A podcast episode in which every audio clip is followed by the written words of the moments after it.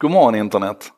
En sak idag för dig som tittar ser kanske lite annorlunda ut och det stämmer, det är inte min vanliga iPhone jag använder för att göra det här utan det är en Xiaomi Mi Note 10. Ni ser direkt ni som tittar att, att bilden ser lite annorlunda ut, vi ska återkomma till det. Eh, men jag ska börja med att säga att det här är ju då ett betalt samarbete. Jag eh, jobbar med Xiaomi, bland annat så medverkade jag vid deras lansering i förra veckan och eh, eh, har berättat om det tidigare också att jag arbetar med dem. Och ni måste ha klart för er att det går aldrig att köpa mina åsikter. För det första så är jag väldigt sparsam med sådana här samarbeten, för det andra så gör jag dem definitivt bara med företag som jag ändå är nyfiken på och som jag tycker det är okej okay att associeras med. Men den allra viktigaste viktigaste poängen är att man kan aldrig någonsin köpa mina åsikter. Man kan köpa min uppmärksamhet och man kan, man kan köpa era öron då i någon mån. Men eh, det här är helt 100% ärligt vad jag tycker om det här. Det kommer ni märka också för jag har en del synpunkter. Men vi kan väl börja med att berätta vad det här är för någonting. Det är alltså en mobiltelefon som har en eh, Snapdragon 730G. Det är inte den snabbaste processorn, det är inte det snabbaste eh, grafikkortet precis. Men man har väl valt det lite grann för att hålla nere kostnaden men framförallt tror jag för att spara på ström. För den är enormt strömsnål den här. Den har alltså ett, ett batteri på, eh, ska vi säga här, på 5260 mAh. Det är ett gigantiskt batteri eh, jämfört med många andra telefoner och kombinerat med den här processorn så gör det att du får uppemot två dagars drifttid. Eh, det finns de som har gjort tester här och låtit en video stå och rulla ett helt dygn och det klarade den alltså. Till det här enorma batteriet så har du också en 30 watts laddare vilket betyder att du pumpar den full på en timme ungefär. Och, och då har man kanske också här kompromissat bort trådlös laddning för det skulle ta alldeles för lång tid att ladda den här och då sparar man pengar genom att välja bort det och du sparar utrymme i telefonen också. Mer plats för batteri när du inte behöver ha trådlös laddning i den.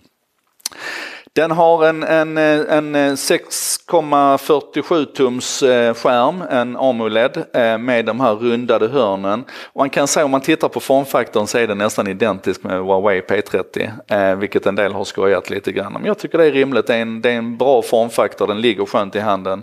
Kattis älskar de här rundade hörnen på den och byggkvaliteten överhuvudtaget är enastående faktiskt. Den känns otroligt gedigen, den är precis lagom tung skulle jag säga.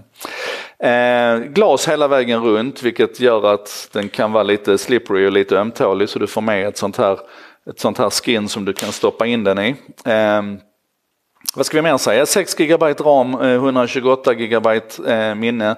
Eh, i den här versionen. Det kommer en som har Pro på slutet, då är man uppe i 8 gig eh, ram och 256 gig lagringsutrymme istället. Supercoola grejer är att den har fortfarande sitt 3,5 mm uttag och jag menar jag saknar inte det i min Pixel eller i min iPhone för att jag har ju mina lurar men det är jäkligt skönt när man ska plugga in som nu här med det här röde-kittet till exempel att inte behöva tänka på var är min adapter.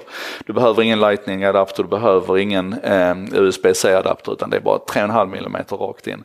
Den har också en sån här ER-blast, alltså en, en ER-sändare i fronten så du kan använda den här som en vanlig fjärrkontroll mot din, mot din TV och så om de om de går på, på ER fortfarande. Så det är en del sådana här lite, vad ska man säga, gamla prylar som är kvar. Några fingeravtrycksläsare men inte på baksidan utan integrerad i skärmen så du bara lägger tummen nere på skärmen.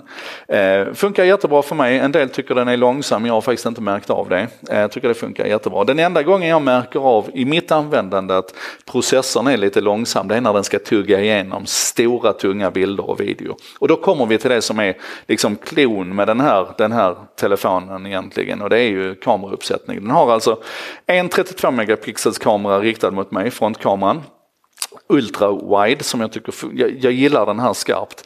Åt andra hållet då så är det fem kameror. Du har alltså en makrokamera på 2 megapixel, du har en eh, telefoto på 12 megapixel som man då kallar för två gånger optisk zoom. Du har normalkameran som är på 108 pixlar men som du oftast då använder som en 27 megapixels kamera istället. Alltså du packar ihop fyra pixlar i en superpixel vilket gör att du får eh, bra, ehm, eh, vet du, bra dynamiskt omfång, du får ehm, eh, bättre skärpa, du, du klarar lägre ljusförhållande och så vidare. Sen har du en 20 megapixels ultrawide kamera och du har en eh, 5 megapixels telefoto som är på fem gånger optisk zoom och så använder man det tillsammans med annat så du kommer med hyfsad zoom upp i 10x och med begränsad kvalitet skulle jag säga så kommer du upp i 50x. Så att du har alltså hela vägen ifrån det allra närmaste till det ultravida 117 eh, graders field of view i den och hela vägen ner då till 5 gånger optisk, 50 gånger digitalt. Men det, det man säljer den här mest på det är naturligtvis den här 108 megapixels kameran. Och det är superhäftigt att ta bilder med den här för det känns väldigt manuellt kan man säga. Det är liksom ytterst lite av all den processande allt det processandet som du har i pixeln eller i den nya iPhonen, att, att det känns liksom som det är datorn som tar bilderna. Här är det du som tar bilderna, for better for worse. För det här betyder också att det ställs mycket högre krav på dig som fotograf. När du tittar på en 108 megapixels bild så kan du verkligen gå in och beskära den ner i väldigt små detaljer och är det bra ljusförhållande så, eh, så har du bra dynamiskt omfång och du får bra bilder i det. Men den, den rasar snabbt liksom. Om det är dåligt ljus och så vidare så är du ganska rökt Men den. Och jag är nog ganska övertygad om att med nulägande, nuvarande mjukvara i alla fall så kommer de allra flesta att köra den här i normalläget som man då kallar det, alltså på, på 27 megapixels istället.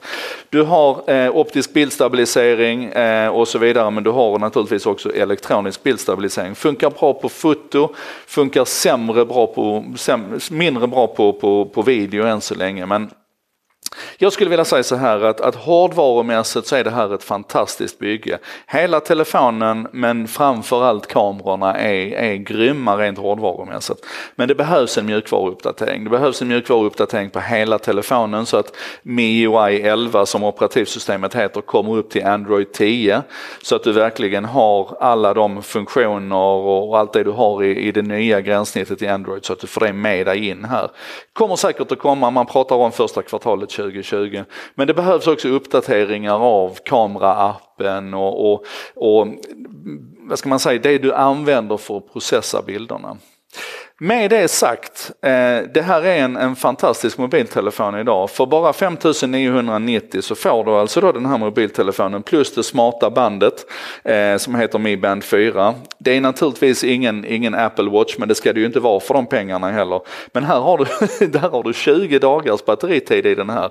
Och den är väldigt smidig att ha på sig. Du kan använda den för att tracka sömnen och så vidare. Eh, och, och, naturligtvis så hänger den ju ihop snyggt med din Mi Note 10 i den applikationen som heter MeFit och som kan hålla koll på din sömn och så vidare. Alltså, Gör så här nu, gå in och titta på lite ordentliga recensioner av den här, eh, den här telefonen av min Note 10. Det finns massor på Youtube nu.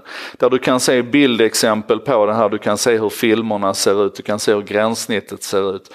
Min uppfattning är att i det segmentet för 5990, där den här ligger, alltså i princip en tredjedel av iPhonen kostar, så är det här fullständigt mindblowing. Det betyder inte att jag kommer att byta, för att jag är ju så inbäddad i Apples eh, ekosystem. Men om jag bara hade varit en, en Google-kille, om Pixeln hade varit min huvudtelefon och jag hade levt i Androids ekosystem och Googles ekosystem, så är frågan om jag inte hade bytt faktiskt för att den är, den är avsevärt mycket mer kompetent hårdvarumässigt än vad den senaste Pixel 4 är till exempel. Så att med den mjukvaruuppdatering som vi har att se framför oss här så kommer det här bli en killer.